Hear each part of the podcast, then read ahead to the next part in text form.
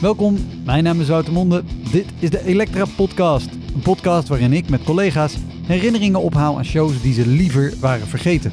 Genoemd naar het roemruchte jongerencentrum Elektra in Sliedrecht, dat ooit bekend stond als de comedy hell.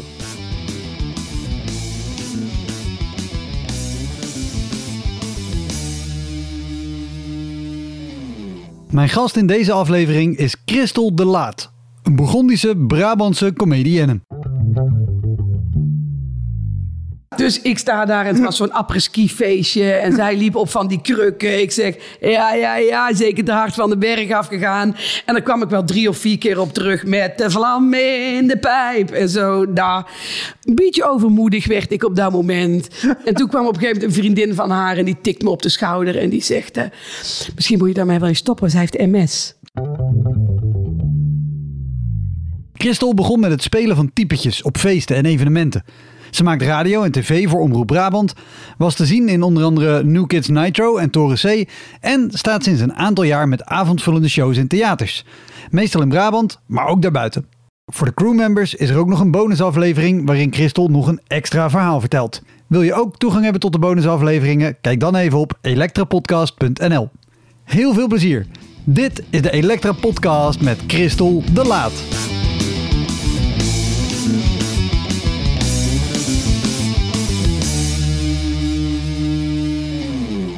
Hey, maar even naar dat begin dan. Want eh, je zegt het heel vanzelfsprekend. Ik ben gewoon begonnen in een feesterij. Ja. Maar hoe, hoe begin je daar als typetje? Of wat voor shows doe je daar? Want mijn hoofd zegt gelijk... dat zijn best heftige klussen volgens Het mij. is alleen maar heftig. Omdat, eh, nou er stond een advertentie. Acteurs en actrices gevraagd. En ik dacht, ik had net twee kinderen. Ik zat in een huwelijk waar ruk was. Dus ik dacht, oké, zou dat het dan zijn? en het was hier in Schijndel. En het was heel dichtbij. En het was een hele goed aangeschreven feesterij. In die tijd zeven dagen in de week open. Zeven dagen in de week feest. En daar kwam van de brandweermannen uit eh, eh, Naaldwijk tot eh, eh, Philips met al zijn buitenlandse gasten. Dus daar kwam echt alles. Ja. En ehm, daar kwam, ik werd aangenomen. Vond ik heel leuk. Maar toen bleek dat iedereen aangenomen werd. Want het was een interne opleiding. Dus ik was heel gelukkig. Ik dacht, jee, ik kan iets. Was gewoon, de shifting moest nog komen. Maar ehm, ja, daar stond je met je neus op de mensen. En dan was je verkleed als een... eh, ze hadden Breugeliaanse en, en middeleeuwse feesten. Dus echt erger dan dat kunnen wij je bijna niet voorstellen. Wat, wat, wat moest je doen? Hoe, Ik was... eh, Schrijf even zo'n avond. nou, zo'n avond begon. eh, ik stond aan de deur als gastvrouw, de keukenmeid van de Tunneke. En dan ontvangde je alle mensen. Hup, afvinken. Oh, wie ben de Gully? Och, wat gezellig. Kom maar binnen. Gully zit daar. Oké, veel plezier. Ik zie jullie zo. Gasten ontvangen. Dan deed je de opening. Hoi, wat fijn dat jullie er allemaal zijn. We gaan iedereen even aan elkaar voorstellen. Want je moest natuurlijk een soort cohesie krijgen. Dat Ja. die groep een feest ging bouwen. Dus je stelde iedereen voor en dan fileerde je even die groep. Dus daar, daar was eigenlijk bijna een soort stand-upper zonder dat je het in de gaten had. Nou, maar wel verkleed als typetje op klompen, boerinneke. Ha, ha, ha, ha. Dan, En, eh, en, en, en stel je hebt daar de, de brandweermannen uit Ja. Naaldwijk zitten. Die hebben al in de bus gezeten van Naaldwijk naar Schijndel. Ja. Die hebben in de bus waarschijnlijk al een paar biertjes. Die Ja. hebben daar al een biertje. Dat is toch geen makkelijke groep als jij daar dan voor staat als typetje met... hey, we gaan even de ontvangst. Die, die tetteren toch gewoon dwars Ja, door je heen. nou, de- ik kreeg ze altijd wel stil. En toen bleek dat ik iets had waar werkte. Maar het, is, het was het rauwe werk. Het allerrauwste wat er is. Zo ben ik begonnen. Gewoon, eh, inderdaad, oh, mijn, oh, mijn allereerste ervaring in het tunneken. Zal ik die vertellen? Dan zie je hoe rauw het was. Ja, ja, ja, heel graag. allereerste ervaring in het tunneken, ik heb het in mijn eerste show ook verteld, was, eh, kijk, de eerste rol die je mocht doen was heks. En de heks die kwam altijd met de heksensoep. En de heksensoep, dan veranderde heel het dan werd het donker. En dan kwamen er bliksemschichten, want het was echt ook een heel thema eh, ingericht, het tunneken zelf. Dus, en ik stond daar verkleed. En ik had natuurlijk twaalf weken een opleiding gehad. En we hadden een schminkcursus gehad. Dus echt, eh, zoals je het voorstelt, Efteling-niveau. Uh, kinnen plakken, neuzen plakken, fratten maken, tanden zwart. Een puntmuts, een, een pruik op, een bult, een cape. En dan stonden daar. En we hadden ook stemmetjes gehad. Dus dan stonden... Verstopt achter een deur. En dan, als dat begon, die, die, die, soep, dan kwam de muziek er keihard in. En in die muziek zat een cue. En ik wist, als die cue komt, dan moet ik naar binnen. En dan moest de deur opengooien. En dan hinkelde zo een beetje als heks naar de eerste tafel. Maar ja, mijn hartslag zat natuurlijk allemaal fontanel. Want ik vond het dood en doodang. Eng, echt waar. Het was de eerste keer.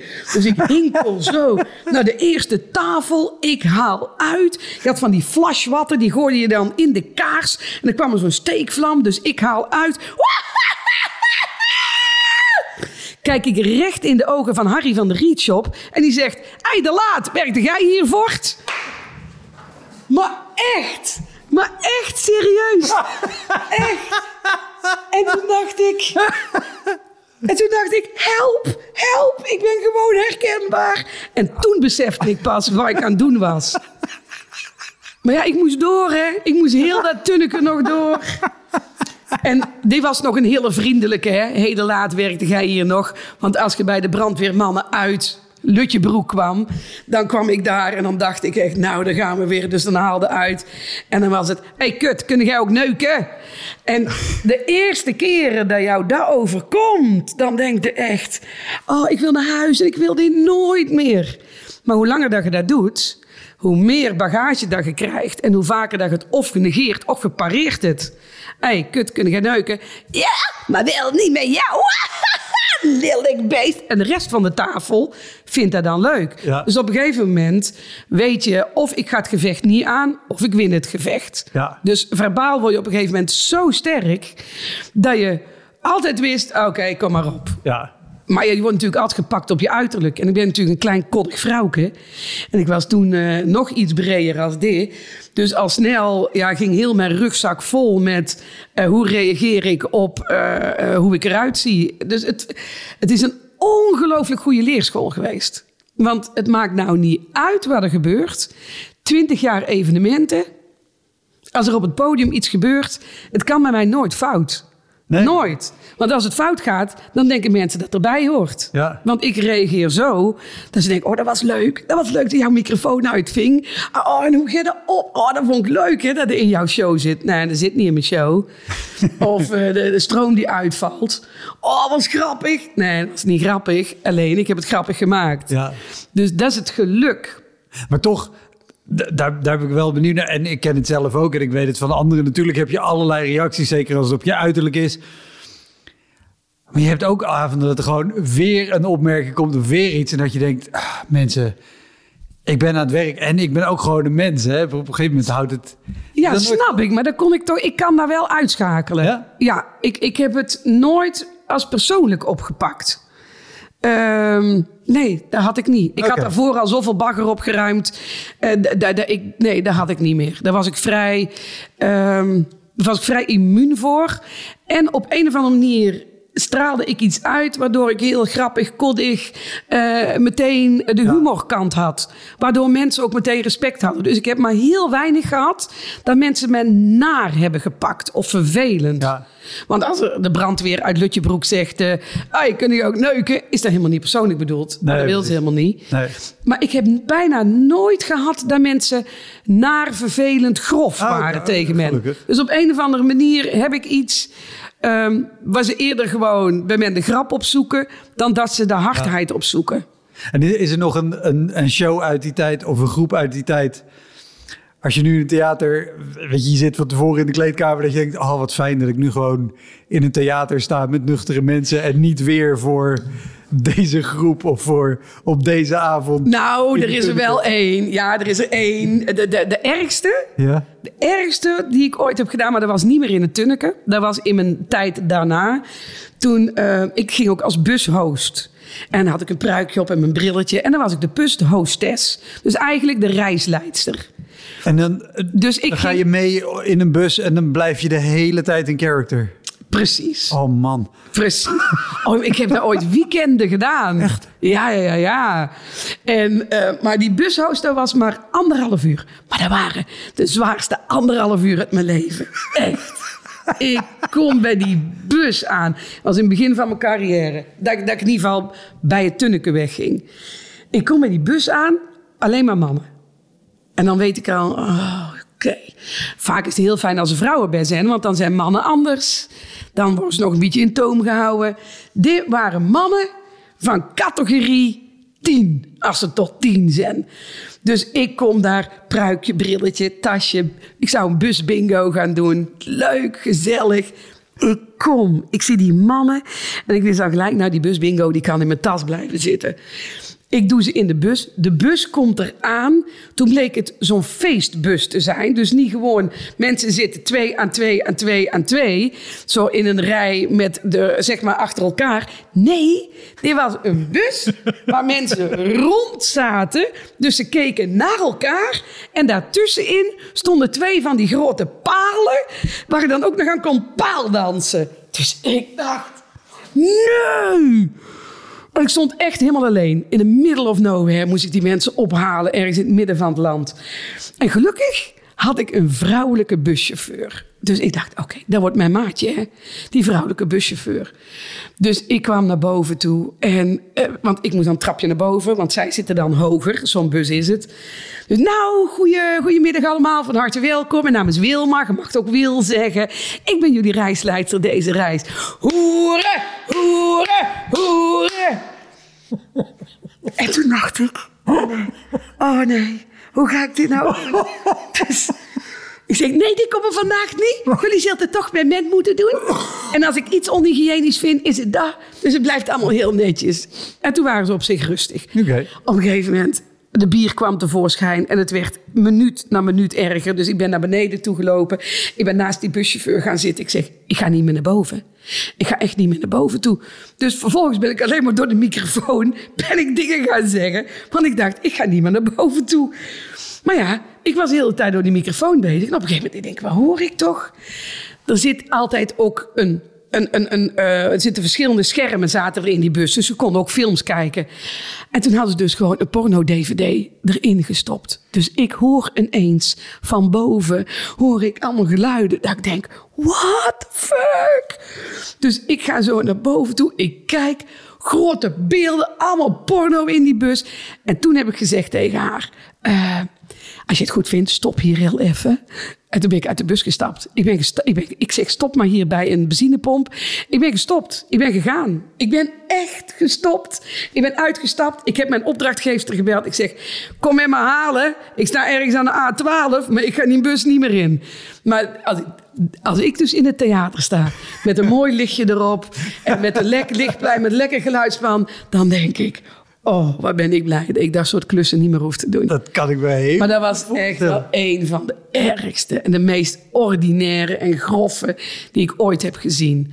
Maar de andere kant is natuurlijk wel dat het heel, heel, heel leuk is als er ineens mensen in de show zitten die ik niet verwacht, die me kennen van uit die evenementen. Ja. Want er zijn ook bedrijven waar ik gewoon tien jaar lang weekenden mee wegging als reisleidster. Samen met een collega. Dan waren we Bea en Betty.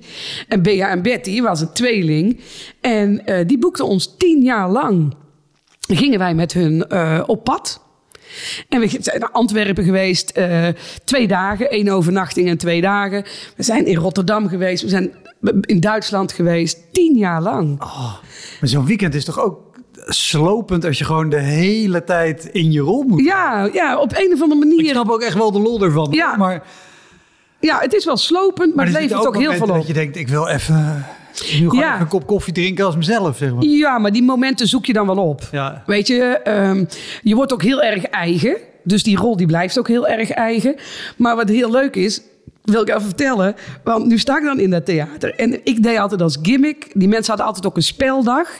En als ze drop meebrachten, dan konden ze extra punten scoren. Dat was een gimmick die ooit ontstaan is.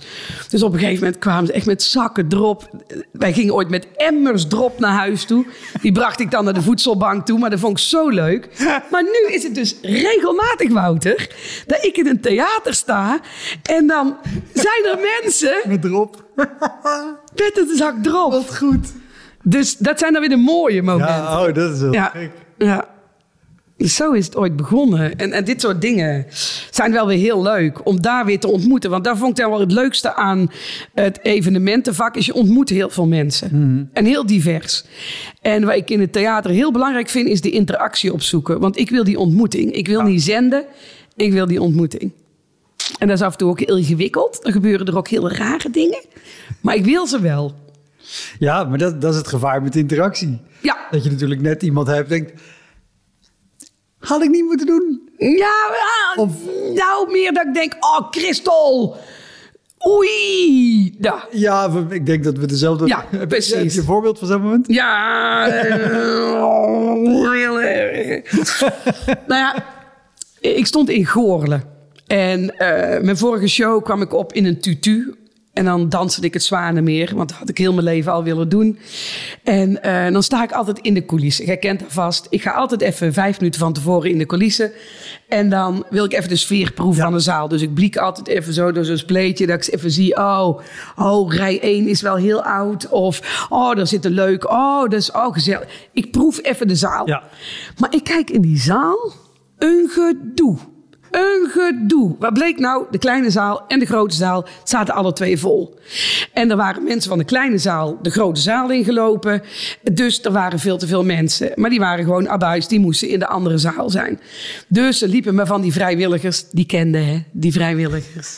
Die, die liepen allemaal te ridderen in die zaal. En er moesten mensen in en uit. En er moesten stoelen bijgezet worden. Chaos. Dus ik stond daar al een minuut of zeven te wachten. In die tutu. En ik dacht, ik wil nou echt wel voor het op. Kom op jongens. Dus uiteindelijk, we gingen beginnen. Ik doe mijn tutu-dansje. Ik vertel wat dingen. En ik ga altijd even licht aan. Ik wil altijd even contact maken Het zaallicht. zaallicht Ja. aan. Dus ik zeg, ik doe, Sebat, licht maar aan, even kennis maken. Dus ik kijk die zaal in. Het zag er hartstikke tof uit. Knijt eruit verkocht, volle bak. Maar ik zie ineens links, halverwege de zaal, zie ik twee mensen boven iedereen uitkomen. Dus ik dacht, ja, maar come on. Die mensen hebben waarschijnlijk nog steeds geen stoel. Mijn voorstelling duurt een uur en drie kwartier. Dus ik zeg, wacht even, wacht even jongens. Mijn, mijn voorstelling duurt een uur en drie kwartier. Sorry mensen, maar jullie kunnen niet heel de avond staan. Ik vind echt dat er even twee stoelen moeten komen. Drie, kwart- een uur en drie kwartier staan kan echt niet. En toen riep die man... Nee, dat zal moeilijk gaan staan zonder benen.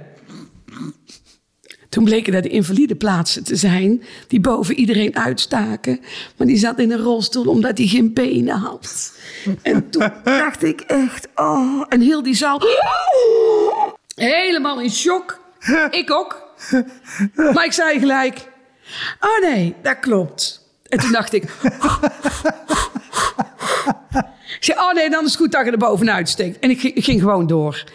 En na de voorstelling kwam die man naar mij toe gereden. Hij zei, ik vond het briljant. Eindelijk werden wij eens een keer benoemd... in plaats van altijd maar over het hoofd gezien worden. Want niemand durft bijna iets te zeggen... over iemand die Ja. zonder benen in een rolstoel zit. Maar ik vergeet het nooit meer. Toen dacht ik wel, oeh, daar had ik misschien iets anders Ja. moeten doen.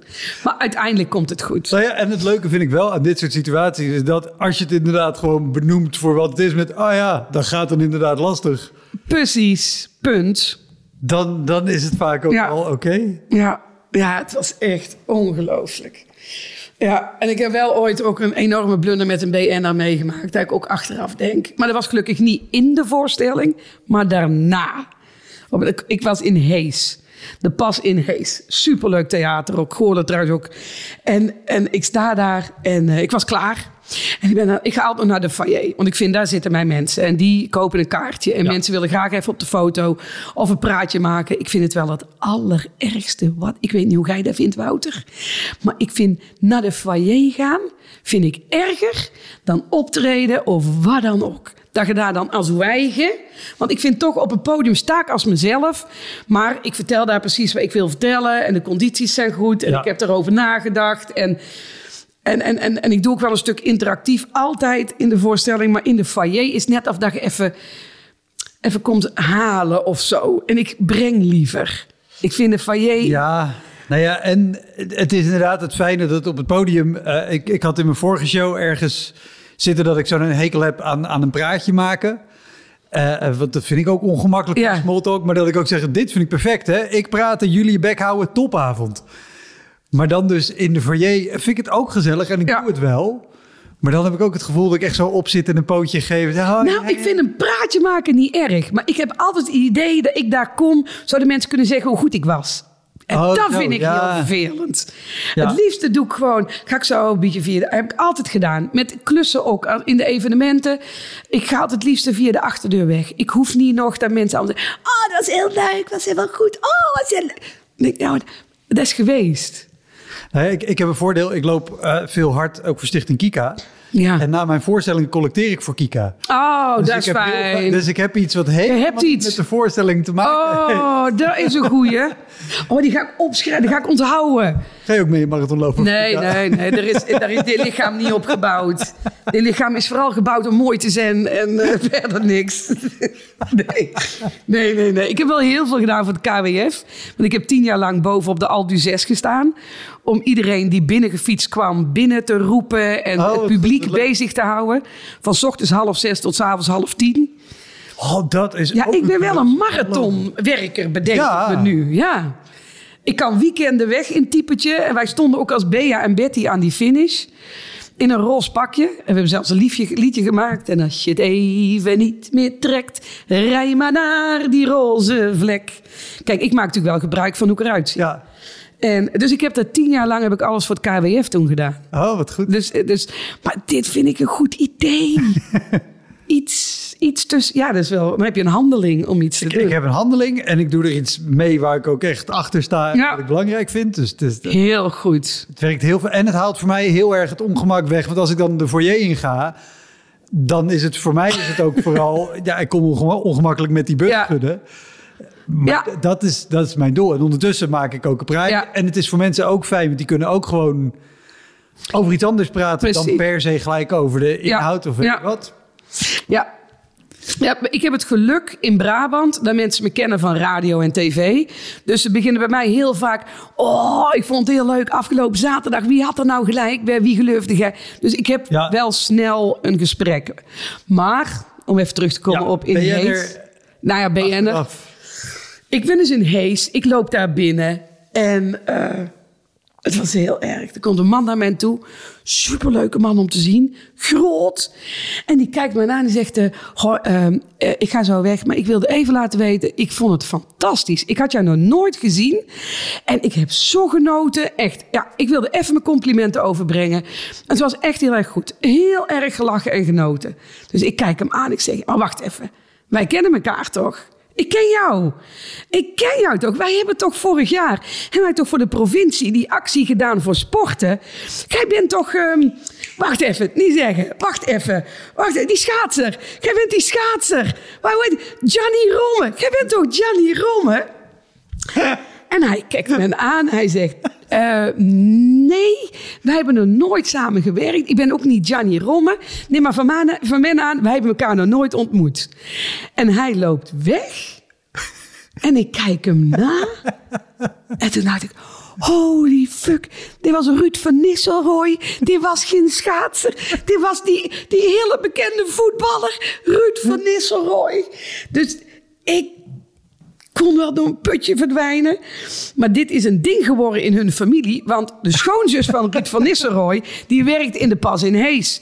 En die, ik kwam dus die keer erop. Ik zei, oh, ik heb hier zo'n flater geslagen. Ruud van Nistelrooy zei, ja, dat weet ik. Iedere kerst komt dit verhaal nog naar boven toe. Iedere kerst hebben we het hier nog over. Dus ik dacht. Oh.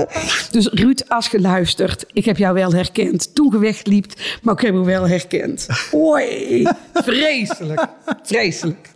Maar ja, enfin, daar. Dus de dingen die ik meemaak die misgaan, komen vaak wel door mijn eigen toedoen.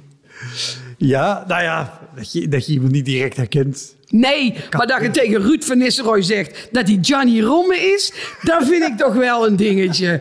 Echt waar. Oh. Ja, vreselijk. Maar ja, het gebeurt. En blijkbaar ben ik nog een gimmick tijdens de kerst. Ah ja, enfin. Ah ja. Want je zei ook al bij het begin, je zei, ja, wat er ook gebeurt, ik kan alles hebben. Of het Ja. nou met interactie is of met techniek. Wat, wat, wat zijn qua techniek dingen die, die bij jou heel erg mis zijn gegaan? Of Eh, dat je denkt, oké, uit welk laadje ga ik het nu weer trekken om dit... eh, Oh ja, nee, ik heb een vast laadje. Dus als mijn geluid het niet doet, dan weet Sebas, Sebas is mijn vaste technicus. Sebas weet dan, die komt gewoon naar voren toe. En die eh, gaat achter mij staan. En maakt me niet uit, die doet eh, mijn kleren omhoog. En ik sta dan recht voor de mensen. En hij is dan met dat kastje bezig. En soms gebeurt dat. Soms staat hij per ongeluk op mute. Of er is iets mis. Het gebeurde in mijn allereerste try-out. Serieus. Dan denk ik, nou, dat lieg ik niet. Ik stond met mijn allereerste try-out stond ik in de twee hondjes. In Hellevoetsluis. En, eh, en maar, eh, ik kom op. Ik kwam daar als politieagent op. Ik kom op, ik doe mijn ding. En eigenlijk meteen, pats, geluid weg. Maar ik had natuurlijk... Ja, het was mijn eerste try-out.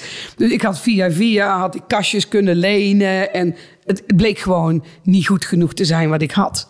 Maar ja, Sebas komt van boven. Hij zit dan naar boven toe. Die komt. En ik had een wit scherm waarachter ik me omkleedde. Want ik kleed me meestal om op het podium.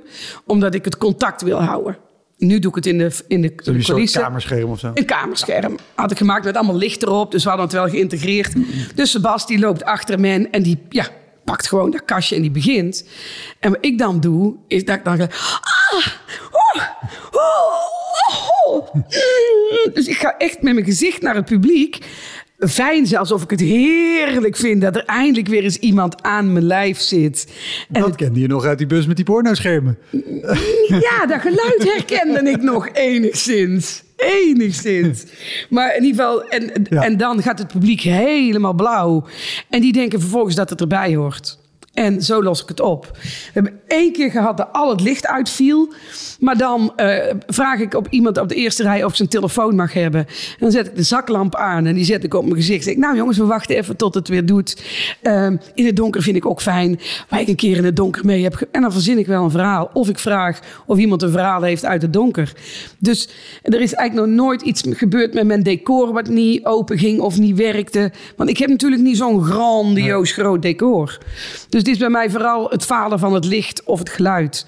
En dat gebeurt zelden omdat ik nou eenmaal een technicus heb die alles check, check, check, check, dubbel check doet. En als het gebeurt, dan hoort het erbij. Ja. Hey, Wouter hier. Ik speel mijn voorstelling Stormbrein in mei nog vijf keer. En daarna is hij pas vanaf september weer te zien. Op 2 mei speel ik hem in de Rijswijkse Schouwburg. Op 10 mei in de stad Schouwburg in Utrecht. 17 mei in het Toon Hermans Theater in Sittard. 25 mei in de Wiese in Schalkwijk.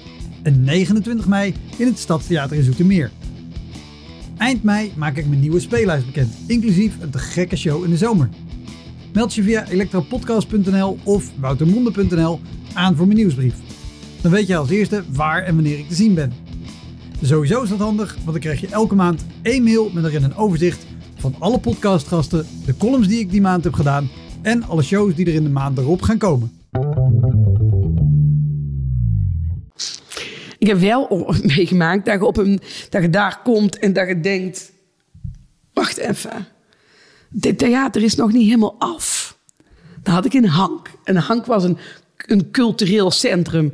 Superleuk. Hartstikke leuke, enthousiaste mensen. Mooi gebouwd. Maar het was gewoon nog niet klaar. Er was geen zijdoek. Er waren geen coulissen. Er was niks. Het licht, dat deed het eigenlijk nog niet. Er moest op een iPadje aangezet worden. Ja, dat soort dingen wel. En dat je dan iemand met zijn vinger bij het aan- en uitknopje moet zetten van het zaallicht. Kende? Ja, ja, ja. En ik werk veel met zaallicht. dus dan moet ik iemand bij het aan- en uitknopje hebben. En ja, kijk, niks ten nadele van vrijwilligers in theaters.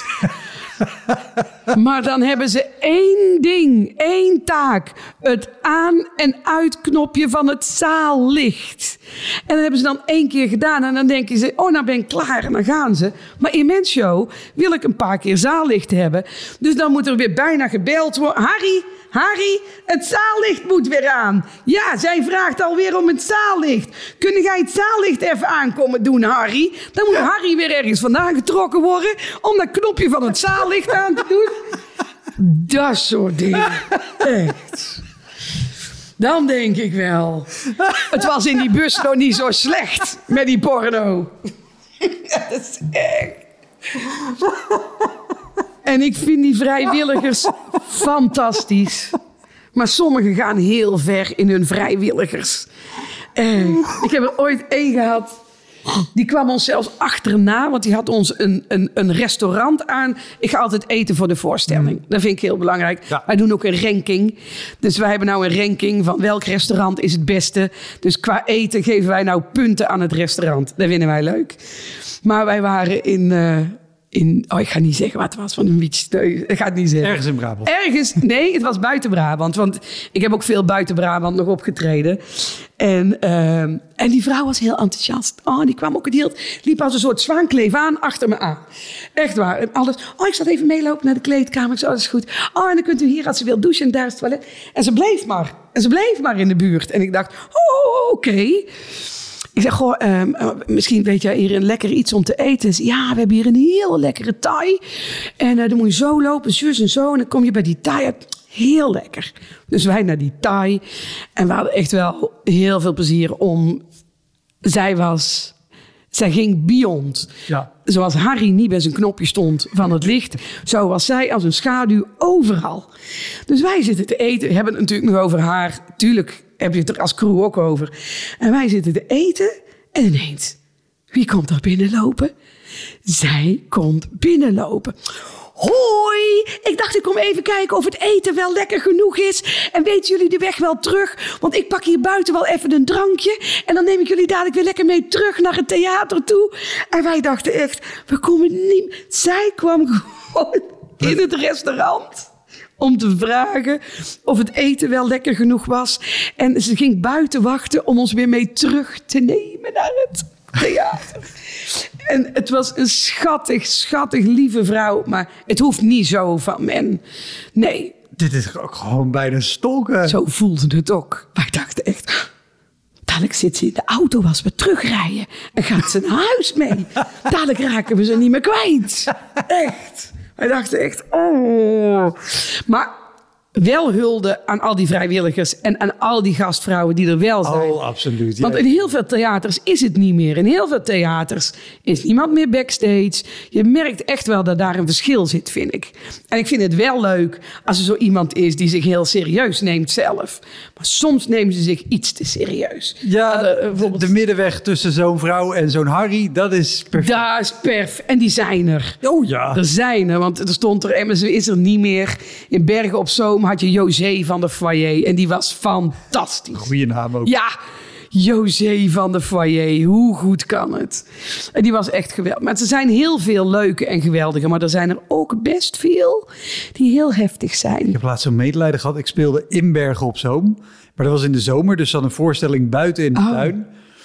Eh, en ik was in mijn eentje. En omdat het buiten was, er was ook niks aan techniek. Dus ik was ook gewoon zonder technicus. Dat ja, Ja. Geluid aan en aan het einde uit. En dat That's was het. En toen was er dus ook één vrouw die zei... Oh ja, we willen voor de artiesten voor je. Dus als je wat wil hebben. Ik joh, ik vind het, ik vind het heel lief. Maar één kop koffie en, een- en een glas water zo voor op het Nee, Oh nee, ik zeg altijd, doe met een friet speciaal, frikandel speciaal, kroketje, berenklauw. En die vrouw heeft de hele avond in de foyer gezeten. Een beetje Oh, stories en oh, privés ja. lezen. Dat ik echt, dan moet ik nog naar binnen lopen om toch nog maar iets te drinken te halen. Want anders heeft ze niks te doen. Oh ja, maar dat vind ik dan heel schattig en heel lief. Ja, dat vind ja. ik echt heel Oh, tof. het was fantastisch. Maar wel, ik zo, oh, maar Ja, ja. ik ga niet de hele avond in de foyer. Nee, nee, dat snap ik. Hoi, ik kom even bij jou zitten, gezellig. Nee, ik zeg altijd, kom gewoon lekker binnen zitten. Ga je niet uh, opsluiten in die foyer, zoek een plekje, ga lekker zitten. Denk dan, al, doe dat dan gewoon. Ja. Maar het is, ja, het is fantastisch. Ik vind het wel mooi, want ik kom natuurlijk ook... Ik, ik, ik sta in, vooral in Brabant, in, in alle grote zalen. Maar ik ga ook nog gewoon naar de culturele centrums. Want dat vind ik heel tof Ja. en heel leuk. En, en eh, voor, voor mijn technicus is het soms heel erg behelpen. Want dan staat er iemand bij die eigenlijk niet weet wat hij doet... En dat je denkt, oh, garm. iemand van 80 die dan mee de trappen op moet om de lampen erin te hangen. Jij zit op mijn briefje te Ja, kijken. ja. Voor de mensen die alleen maar luisteren naar de podcast en die niet kijken. Ik heb hier namelijk een briefje liggen. Want ik had natuurlijk wel bedacht. Ja, maar Waar moet ik het allemaal ik zit, ik zit ook vooral te kijken, omdat ik, ik zie gewoon een rijtje namen. Als dit een album was op Spotify, zou ik elke track apart aan willen zetten. Gewoon alleen al, ik ga sowieso gewoon vragen naar oma Stoma in Arnhem. Ja, Dat- die heb je gelezen. En ik zag, daarom zat ik te kijken en moest ik net ook op een Ruud van Nistelrooy lachen, want ik had de naam Ruud van Nistelrooy al Oh, je zien had hem al staan. gezien. Ja, weet je, ik dacht, ik moet wel een beetje Ja, voorbereiden. nee, je hebt, je hebt helemaal gelijk, perfect. Maar, maar ik zag ook technicus staan, dus daarom dacht ik... oh, ja, ja, ja, ja, ja, ja. Want, want dat is inderdaad zeker in de kleine Nou, oh, waar ik over technicus wilde zeggen, Ja. over flaters gesproken. Kijk, Sebas is briljant. Ik heb, eh Sebas doet eh, core business, die doet het meeste. En Nick op dit moment is eh, de tweede technicus die eh, zeg maar drie keer per maand meegaat en de rest doet Sebas. Maar Sebas kan ook wel zijn steek laten vallen, want ik dacht, die mag er ook in. ik krijg op een gegeven moment krijg een telefoontje van Sebas. Sebas is er altijd om twee uur. Die bouwt op. En dan ben ik er zo rond een uur of vijf. Soundchecken, eten, een kopje koffie en dan spelen. Ja. Dus eh, ik krijg op een gegeven moment een penibel Sebasje aan de telefoon. Hoi Kristal. Twee uur. Ik ben, eh, ik ben er. Ik ben in Deurne. Bij Antwerpen. En ik moest, zie ik nou in Deurne in, achter Helmond zijn. Die was dus, die had gewoon ingevuld... Cultureel Centrum Deurne. En hij doet alles via Waze of via Google. En hij had gewoon in Cultureel Centrum Deurne. En daar had hij ingevoerd. Dus, en hij moest naar het zuiden toe. Want hij komt uit Rotterdam. Dus hij rijdt. En op een gegeven moment dacht ik wel... Goh, ik ga wel heel erg eh, richting België. Zat hij dus echt in Deurne bij Antwerpen. Terwijl hij in Deurne achter Helmond moest zijn. Echt, jongen. Klassieke fout. Is hem één keer gebeurd. En qua rijafstand vanaf Rotterdam is dat ongeveer allebei een uur. Dus ik kan me voorstellen dat er geen enkele alarmbel afgaat. had niks wat hij dacht, die gaat mis. Want hij ging heel lang Breda. En toen dacht hij, oh, ik ga een stuk richting Eindhoven. Ook zo zo binnendoor naar Eindhoven. En ineens stond hij deur naar Antwerpen. Ja, over blunders gesproken. Deur naar Antwerpen. En jij wilde weten, oma Stoma. Ja, oma Stoma klinkt... Ik, ik ben benieuwd. Nou, ik heb in mijn, in mijn, nu in mijn show zit een stuk over. Ik ben oma geworden. Dus mijn show, de rode draad is het oma zijn. En wat bijzonder is, als je oma wordt, krijg je een bijvoegsel. Ik, ik, ik, ik had vroeger oma, die heette grote oma en kleine oma. Mijn kinderen hadden oma Lies en oma Laika. Maar die oma heette geen Laika, zo heette haar hond. En zo hebben heel veel oma's krijgen een bijvoegsel. Dus ik Ja. vraag altijd aan mensen in de zaal... Goh, zijn er hier oma's met bijvoegsels? En heel vaak hebben oma Kip of oma Eindhoven of oma Efteling. En ineens, ik was in Arnhem in het Posttheater... en daar komt uit, luid en duidelijk... Oma Stoma! En de zaal kwam niet. Ik gebruik hem nou. Hij zit nu vast in mijn show. Dus eh, als diegene luistert, eh dankjewel. Hij zit nu vast in de show. Die riep. Oma Stoma. En toen dacht ik, hoe mooi. Jee. Hoe mooi dat kinderen, zo mooi zijn kinderen dus, die noemen gewoon wat ze zien. Dat- Wat je ziet is what you get. Ook hij dacht, dat is gaan lekken in de voorstelling en zo. ik, ik was gewoon benieuwd naar het verhaal. Ik vind hierbij ook wel weer het leuke. Net als bij eh, eh, die mensen zonder benen. Dat dus vaak dat mensen met een beperking of waar, waar iets mee is... dat juist als je dat gewoon behandelt voor wat het is, Precies. in plaats van heel erg angst. Voilà. Oh ja, er zijn nou eenmaal mensen met een stoma en die heten dan oma stoma. Ja, Precies. En, en nu, nu ik dat weet, ik ga het ook niet meer uit de weg. Ik heb een keer gehad dat er iemand in een bed, die kwam. Ja, die lag in een bed. Goh, die zei, komt altijd, vind je dat vervelend? Nee, helemaal niet. Dus als ik dan interactief ga, negeer ik er niet. Zeg ik, oh, wat ben ik jaloers op jou. Gij kunt lekker heel de voorstelling liggen. Zie je dat? Ze heeft haar eigen bed meegenomen. Klaar. De cat is out of the bag. Het is niet meer raar. Het is niet meer vreemd. Benoem gewoon wat je ziet. ja. Als mensen daar wat meer zouden doen. Maar heb je, heb je er ook wel eens de plank mee misgeslagen? Want het kan Nee. natuurlijk dat je, dat je net de verkeerde Oh, ja, aanslaat. oh. En niet, niet bewust, Ja, maar dat je gewoon denkt, nou, nee. dit wordt hem. En Maar dat was wel nog uit mijn evenemententijd. Dat je dan denkt, oh, ik benoem gewoon alles en ik maak er een grap van. Ken je dat? dat je overmoedig bent. En dat je denkt, oh, ik benoem gewoon alles, ik maak er een grap van. Dus het was in het wintersportseizoen. En ik moest op een feestje werken in de Vrije Teugel. En dat waren echt allemaal van die rukzaaltjes. dus ik sta daar en het was zo'n après-ski feestje. En zij liep op van die krukken. Ik zeg, ja, ja, ja, zeker te hard van de berg afgegaan. En dan kwam ik wel drie of vier keer op terug met de vlam in de pijp. En zo, daar. Een beetje overmoedig werd ik op dat moment. En toen kwam op een gegeven moment een vriendin van haar en die tikt me op de schouder en die zegt: eh, Misschien moet je daarmee wel eens stoppen, zij heeft MS. Ja. Ja, dat was inderdaad beter om niet te zeggen. En dan durfde bijna de zaal niet meer in. En dan denkt oh. Maar weet je wat het is, Wouter? Zo heb ik het geleerd. Door fouten te maken. Ja. Door, de- de- de- wie heeft niet ooit de fout gemaakt? Ik wel aan de deur als gastvrouw bij Tunneke de deur opengooien. En zeggen, nou mevrouw, komt u maar binnen. En dan was het een man. Of, eh, hoe lang moet jij nog? En dan was ze niet zwanger. Dus al die klassiekers heb ik gemaakt, al die fouten. Maar door ze fout te doen, doe ze nooit meer. nee, vragen naar, naar zwangerschappen doe ik echt alleen vanaf een buik die zegt 35 Ik ook. Zet maar vast handdoeken en Precies. klaar. Al op het moment dat ik zeg, altijd is kortjakje, ik kan het kindje halen als je wilt, dan durf ik te zeggen dat ze zwanger zijn. Maar ik durf het niet meer te doen. Nee. ik, ik, weig- ik, ik, ik weiger me nog aan mannen en vrouwen, eh, zwangerschappen, eh, krukken. eh, nee, ik doe het niet meer. Ik doe het niet meer. Ik, eh, maar ik stond eergisteren stond ik in, eh, nee, in, in Dongen. En daar zat een man zonder benen op rij 1. En eh, ik moest hem toevallig de groeten doen. Want ik kreeg een appje. Ik werk met app. Mensen mogen apps sturen in mijn voorstelling. En die beantwoord ik dan in de Oh, voorstelling. goed. En zo zoek ik interactie op. Dus, en iemand had een app gestuurd. Goh, mijn neef zit in de zaal. Wilde hem even de groeten doen. Hij heeft geen benen. eh, maar eh, altijd hard gewerkt. Is net afgekeurd. Nou, dat mag. Iedereen mag alles vragen. Ik geef overal antwoord op. Van de meest eh, intieme vragen. Als ik het blokje doe, zijn er nog vragen over? Vertel ik alles. Dus dan maar dan, hij zat er en ik zeg: Oh, wacht. Ik heb hier een bericht voor iemand. Oh, dat moet jij zijn, want het is voor iemand zonder benen. En dan ben jij. Bunt. Ja. Dus dat wel. Maar, maar ach ja. En, en, en als mensen zo alles mogen appen Ja. en vragen, daar zitten dan toch ook dingen tussen dat je denkt, ah, Ik lees ze allemaal op. wat, is het, het, het, het, het raarste of het gênantste wat je...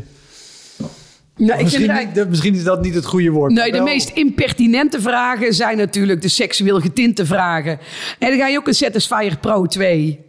Da, dat, soort dingen. Maar het leuke van die vragen is, ik lees ze allemaal voor. En eh, ik ben heel, men, ik ben nogal met de mimiek. En meestal geeft mijn gezicht dan al aan welke kant het op gaat. En eh, voor de zaal kun je het altijd omdraaien naar een leuk moment. Ja, Want ik, ja, nee, ik heb nog de oude. En weg. Snap je? Dus, ja. en, en eh, nee, ze mogen alles vragen. En is dat ook iets wat je... Nee, laat ik het anders zeggen. Zou je dit zonder al je ervaring en voorkennis uit, uit 20 jaar evenementen ook durven? Of heb je nu dat je denkt, joh, ik heb alles al gezien en gedaan. App maar een. Ik weet het niet. Ik weet niet of ik het gedurfd zou hebben. Ik denk het niet. Maar ik heb in die 20 jaar alles meegemaakt wat er mee te maken is. Dus ze mogen mij alles vragen. Ja. Nee, ik heb overal een antwoord op. En het is ook niet bedacht. Ik lees de appjes ook niet van tevoren. Want dan vind ik het een toneelstukje worden. Dat Ja. stukje in de show moet echt actie-reactie zijn. Dus ik heb twee stukken en dan pak ik de... Nou, daar gaan we dan. En dan pak ik de app en eh, dan lees ik hem voor en zeg ik... Nou, mhm. En er, is ook, er zitten soms ook pareltjes tussen. Weet je wel, vrouwen die heel onzeker zijn over hoe ze eruit zien. Die dan zeggen, oh, kan dat dat jij zo zelfverzekerd bent? En dan kan ik zeggen, maar dat was ik ook niet. Ik ben ook een heel bang introvert vogeltje geweest. Alleen, dat kun je omdraaien. Uit, sorry, ik tik tegen de microfoon. Uiteindelijk kun je, ik heb daar om kunnen draaien. Dus dan af en toe kan ik ze ook iets meegeven en denk, ah, dus het is vaak hilarisch. Ik kan ze soms wel meegeven. Het is openhartig en het is niet ingestudeerd. Nee. En dat past bij mij. Ik wil niet alles uitgekoud hebben. Nee, dat vind ik wel tof. Ik was eh, vorige week bij Jimmy Carr, nou, een geweldige Engelse comedian. Ja. En die heeft ook aan het einde een blokje zitten met, nou, stuur maar vragen. Nee. Stuur je jokes. Daar heeft hij van men gejat, want ik doe het al drie, vier jaar. Precies, dat, dat kan niet anders. Maar daar is wel, daar zitten grappen in die zijn zodanig goed geformuleerd. Oh, ja. Dat ik aan alles voel, dit is niet iemand uit de zaal die een, die een mop goed heeft onthouden. En na iedere Oh. vier, vijf zit er wel een vraag waaruit interactie met iemand uit de zaal Oh. volgt. Zodat je voelt, oh, maar dit is echt Ja. en dit is nu. Nou, ik laat de mensen... kanten, dit is, dit is niet... Oh nee, ik heb daar opgelost. Ik laat mensen, ik noem de naam op en dan laat ik ze even geluid maken. Dus Ja. dan weet ook iedereen, oh. Want er zitten soms dingen bij. En natuurlijk, ik doe dit nu al voor het derde jaar. Want ik had mijn vorige show heette Zijn er nog vragen over? En daarom dacht ik, dat is leuk als ze een vraag kunnen stellen. Ja. Dus toen had ik een kaart, konden mensen opschrijven. Die gingen in een doos. Maar nu met, toen kwam corona. En dan mag je dat fysieke contact niet. Dus toen hebben we het omgebouwd naar een 06-nummer. Dus nu krijgen de mensen, als ze binnenkomen eh, in het theater, krijgen ze de kaart al. En dan kunnen ze dus eh, in die drie kwartier van tevoren dat ze er zijn, kunnen ze een vraag appen. Ik maak die vragen niet open. Ik heb de telefoon ook niet. Die, heeft, eh, die, oh, die ligt in mijn kleedkamer. Ik maak hem niet open. En eh, ik maak ze pas open op het moment dat ik op het podium zit. Maar dan heb je altijd Ja. dat het echt is. En natuurlijk zitten er vragen bij die terugkomen. Tuurlijk. En die worden steeds geslepener. En dan lijkt het inderdaad misschien wel alsof het... En wat, wat is de meest gestelde vraag? eh, nee, niet de meest gestelde, maar die regelmatig... Waar verdiende jij op zo'n avond? Dat. En dan leg ik precies uit hoe het zit en waar, waar allemaal geld naartoe moet en wat er dan overblijft. En dat is voor het een vrij snel goed antwoord, omdat die vaker komt. Ja. Maar het is nooit. eh, we hebben er wel over gedacht. Moeten we een paar echt goede grappen erin stoppen? Maar toen zei ik van ja, maar dan is het niet meer wat ik wil. Nee. Want dan kan ik net zo goed gewoon doorgaan met mijn show. Oh, ik zag jou weer naar mijn papier kijken. Zie het gewoon, Wouter. Ja, maar de- het, het zijn allemaal goede dingen die... Wil je zelf mijn briefje hebben? Nee, nee, nee, nee, nee, nee, nee, nee. Nee, absoluut niet. Wouter durft nou nergens meer naartoe te kijken.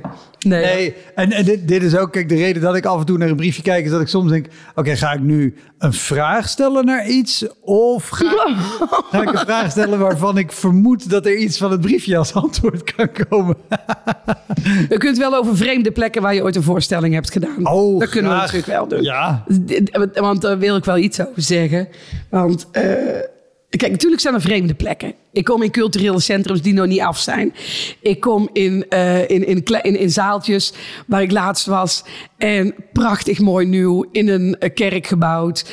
En eh, ik kom en Sebastian gezicht. Ik zie aan Sebastian gezicht al hoe het gegaan is met de opbouw. Dus hij komt naar buiten. Hij pakt een sigaretje. Nou, nou, nou, Christel. Succes, hè? Ik zeg niet meer dan vloer. Dus ik loop naar binnen. Ik doe het achterdoek open. Ik loop de vloer op. Betonwitte vloer. Met op die vloer allemaal stickers, grote tape, wit. Met daarop bed, kast.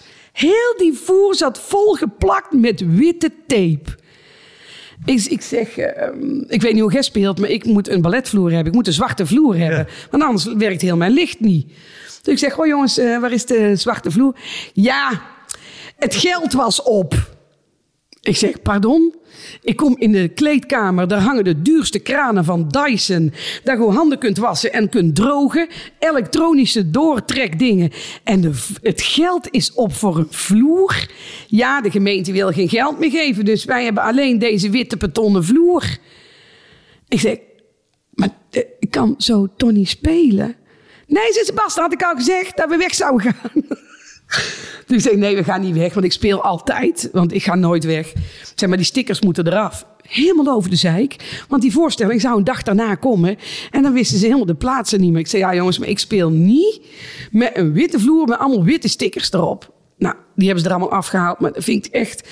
Die mensen snappen dan niet dat heel je show 50% misschien wel mist van het visuele. Ja. Maar dat was allemaal nog goed te doen. Eh, eh, ik heb op podium gestaan omdat er verbouwd werd. Dat je in een soort poppenkast stond waar decor niet kon. En er stonden als een soort poppenkast, katrijntjes stonden daar te spelen. maar ik ben ook ooit zo ijdel geweest om... eh, ik kreeg een aanvraag of ik mijn show wilde komen doen in Duitsland. Ik dacht, Oh, was in het tweede jaar dat ik speelde. Nou, dat is leuk dat ze mij in Duitsland willen. En er was een hotel in Winterberg. Dus ik zeg, ja, ik wil best wel komen, maar dat kost best wel waar, want ik moet komen met mijn dien. Nee, maar wij zorgen voor hotelkamers en je wordt in de watten gelegd. En wij hebben hier alles En zou je daar spelen voor Nederlanders? Of, of- voor Nederlanders. Ja. Nee, nou, auf, nee, nee, nee, ik ben niet auf Duits. Nee, Nee, nee, eh, ik ben echt op zijn... Ik ben al op zijn Brabants. Dat is al niet echt Nederlands. Laat staan dat ik dan ook nog op zijn Duits moet. Dus ik kom daar en ik had van tevoren, ik denk wel 15 keer gebeld met diegene. En eh, nee, maar we hebben hier een podium en we hebben licht, want wij doen ook heel veel dinnershows hier. En dus ik met Sebastian, ja, Christel, we moeten dit niet doen, want we weten niet waar we terechtkomen. Ik zeg, Sebas, dit komt goed. Want ze hebben dinnershows en er is een podium en er is licht en er is alles. En ik kom daar aan. ik had toen nog een pianist bij, dus die kwam ook aan. En Sebas komt naar buiten toe en die pakt zijn sigaretje weg. En die zegt, ik zeg niks, maar er is geen podium. Dus ik ga naar binnen toe. Echt, Wouter. Dat was een zaal. Prachtig mooi hotel. Echt schitterend. Hotelkamers, niet normaal. Prachtig hotel met allemaal Nederlanders. Echt zo'n Nederlands hotel. Maar die hadden een zaal in een L-vorm. In een L-vorm. En dan hadden ze midden in die L een klein zaaltje nog eraan. En in de hoek van die L moest ik dan staan. En ze hadden inderdaad wel wat lampjes, maar het was niks. En dan moest ik in die hoek staan. Maar in die hoek stond dan een camera erop. En dan werd ik geprojecteerd. Nee. Serieus. Ik werd geprojecteerd in, achter in die ellen. Konden mensen dan op een scherm kijken naar men. Maar voor men zat een triootje te spelen. Dus die moesten ook in die L staan. En mijn pianist moest met zijn piano ook in die hoek van de L staan. Dus ik begin daar te spelen. En ja, mensen hadden niet eens in de gaten dat ik begonnen was. Ik ben nou echt, dan sterfde, dan sterfde echt. echt. En er zaten een paar mensen voor men. Er stonden vier tafeltjes, denk ik, voor men. En, er za- en iedereen zat ook te eten, want het was een dinnershow. Dus je hoorde ook constant klik. En er werd gewoon bier rondgebracht. En mensen liepen gewoon voor men langs om het eten uit te serveren. En op een gegeven moment, echt richting het einde van de show... ik was al honderd keer doodgegaan. Mijn pianist zit, eh, zit te speulen. Nee, stopt hij met speulen. Ik denk, waarom stopt hij? Was er een man uit het publiek, want er was geen podium, het was gelijkvloers. Die was naar mijn pianist gelopen, op zijn schouder. Hé, hey, stop eens even met speulen. Ik ken jou toch? Ik heb het toch vaker... Midden, midden in de show. Maar er was geen podium, dus hij loopt er gewoon naartoe. En stopt. en ik... Oh. En toen heb ik voor mezelf voorgenomen. En heb ik ook aan Sebas beloofd, mijn technicus. Dit doen we nooit meer. Nooit meer. Oh. Oh, maar had je toen ook niet dat je dacht, ja, maar dit, dit is nou juist waarom ik in theater sta en niet meer op evenementen? Nee, nee, want ik doe nog steeds evenementen. Omdat ik dat gevoel ook nog steeds Ja? wil houden. Alleen in plaats van, ik nu presenteer want ik... dit, dit is namelijk mijn schrikbeeld wat Oh. ik heb als iemand zegt... Oh. Ik werk als animatieacteur op evenementen. Dan denk ik, oh, dit, dit- Ja. Ja, het was... eh, kijk, het probleem was nu, ik was er niet op voorbereid. Op het moment dat jij op een evenement staat te werken, dan ben je erop voorbereid. Dus dan weet je, dan sta je daar met het idee, alles kan gebeuren. Dat had ik daar ook moeten doen. Het was. En die mensen hadden heel veel betaald. En dat vind ik dan ook gênant. Want dan vraag je een bepaald bedrag en je wil klassen afleveren. Ja. En je weet gewoon, ik sta hier. Ik sta hier, zeg maar van 0 tot 10, sta ik hier een vijfje weg te geven. Terwijl ze betalen voor een 9. En daar heb ik moeite mee. Dat, Ja, dat, dat, dat was het enige nadeel van in het theater staan. Vroeger op evenementen wist ik, ik word geboekt. Ik kost aardig wat. Maar als mijn opdrachtgever tevreden is, dikke prima. Maar nu, als ik in een zaal sta van 800 man, dan heb ik soms het gevoel dat er 800 opdrachtgevers zitten. En die schakel, die vind ik af en toe nog moeilijk. Ja. Ik voel me zo verantwoordelijk om die mensen waar voor de geld te geven. Want die betalen 20 euro. En die 20 euro kunnen ze ook aan iets anders uitgeven. En daar vind ik voor mij de enige uitdaging nog om daar wat ontspannender in te grappig worden. hè? dat je inderdaad zegt, dan zijn het 800 opdrachtgevers. Hoe, hoe ga jij ermee om? Want ook al gaan de shows hartstikke lekker, zitten ze vol. Jij zou ook een avond hebben dat er 800 man zit... waarvan er 795 hard zitten te lachen. Ja. Maar een paar die je net wel kan zien... of die je ziet als het zaallicht aangaat... die zitten te kijken en denken, nou... Daar ben ik slecht in hoor. Daar ga ik slecht op. Ik ga daar heel slecht op. Ik heb toch het idee dat ik dan dubbel zo hard moet werken. Want ik ga jou zover krijgen dat jij minimaal een keer een glimlach hebt gehad. Ik- Ja, ik, ik ga slecht op mensen die. eh, Ik heb het. Ja, daar ga ik slecht op. Ja. En dan, dan stopt de show en dan, dan, ben ik, eh, dan ben ik achter en dan zie ik Sebastian. Het was ruk. Het was gewoon ruk. Het was een rukshow. Het was helemaal niks. Waarom lukte het niet? En dan zegt hij, oh, oh, Christel, zaten wij in dezelfde show? Want het was een hele goeie. En de mensen vonden het fantastisch. Ik zei, dat is helemaal niet waar. Het is helemaal niet Hij zei, Christel, om mij heen mensen uit plaat. Ik zei, het, is niet, het ging ruk. Het ging helemaal niet goed. Maar dat komt dan omdat ik net die drie zie zitten. En ja, oh, daar daar ga ik slecht op. Ik heb het één keer gehad in een hele zaal. Ik heb één keer zo'n zaal gehad. Oh, ik kom daar buiten Brabant. Dus als ik dan opkom, dan zien mensen die kijken al als een soort hert in de koplampen. Hoe de fuck is Christel de Laat? Oh, ziet zij er zo uit? Op de poster leek ze anders. Ja, ik zie er op een poster anders uit. Maar daar heb ik buiten Brabant nou eenmaal. En meestal vind ik het ook wel lekker, want dan, dan kan ik er echt nog voor werken. En dan, dan gaan ze mee in het verhaal. Totdat ik kwam. Ik, moet, ik ga niet zeggen wat het was, toch? Dat is een beetje stom. Voor mij, je mag het zeggen als je... de- de- welke provincie? Flevoland. Oké. Flevoland. en eh, ik, Oké, er zijn nog twee mogelijke theaters.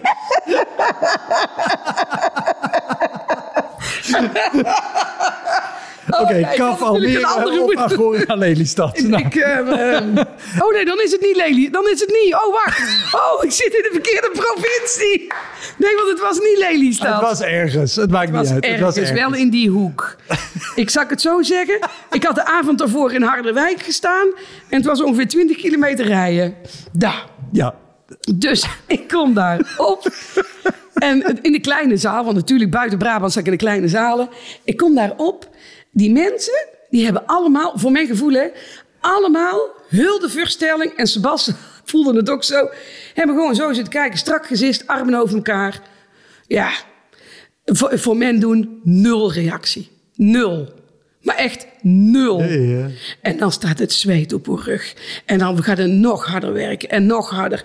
En ik had mijn eigen te schompens gewerkt. En voor mijn gevoel nul reactie. En toen was het klaar.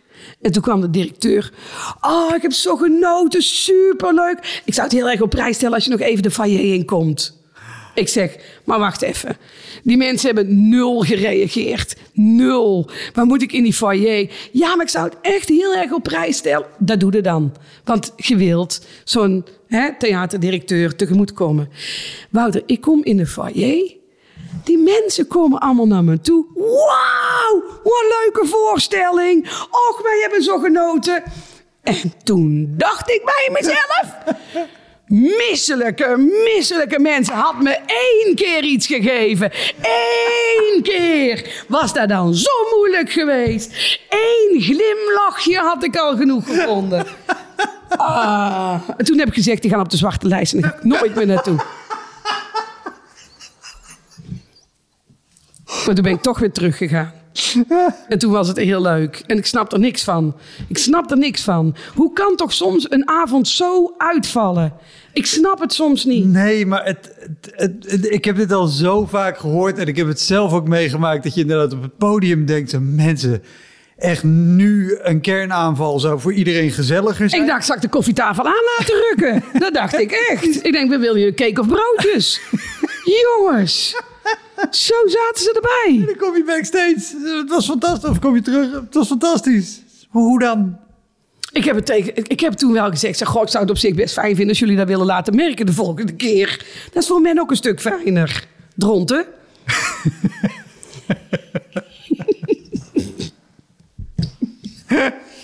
En daar hebben ze naar geluisterd. Want ik stond er met, met deze show die ik nu draai, ben ik er geweest.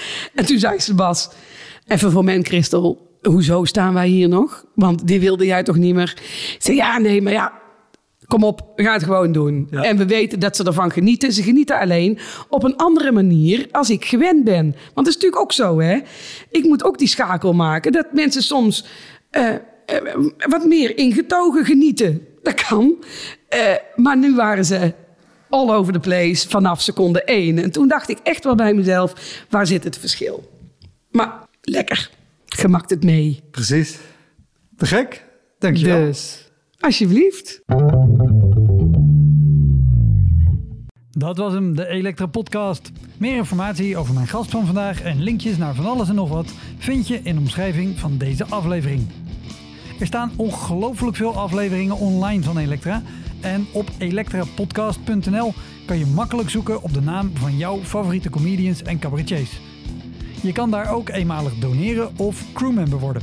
Als crewmember betaal je maandelijks een klein bedrag, maar dan krijg je ook nog eens bonusmateriaal. Je luistert voortaan zonder onderbrekingen en je krijgt consumptiebonnen die je kan inleveren bij een show van mij. Ik vind het sowieso te gek als je een keer komt kijken bij mij. Dus ga naar woutermonde.nl, daar zie je precies waar en wanneer ik optreed. Of meld je aan voor de nieuwsbrief, dan hou ik je op die manier op de hoogte. En dan nog iets, elke vrijdagmorgen doe ik een column op radiostation Kink. Je kan die column terugluisteren als podcast. Hij heet Kink op de Week en je vindt hem in de app waar je ook deze podcast luistert. Oké, tot de volgende Elektra. Hoi!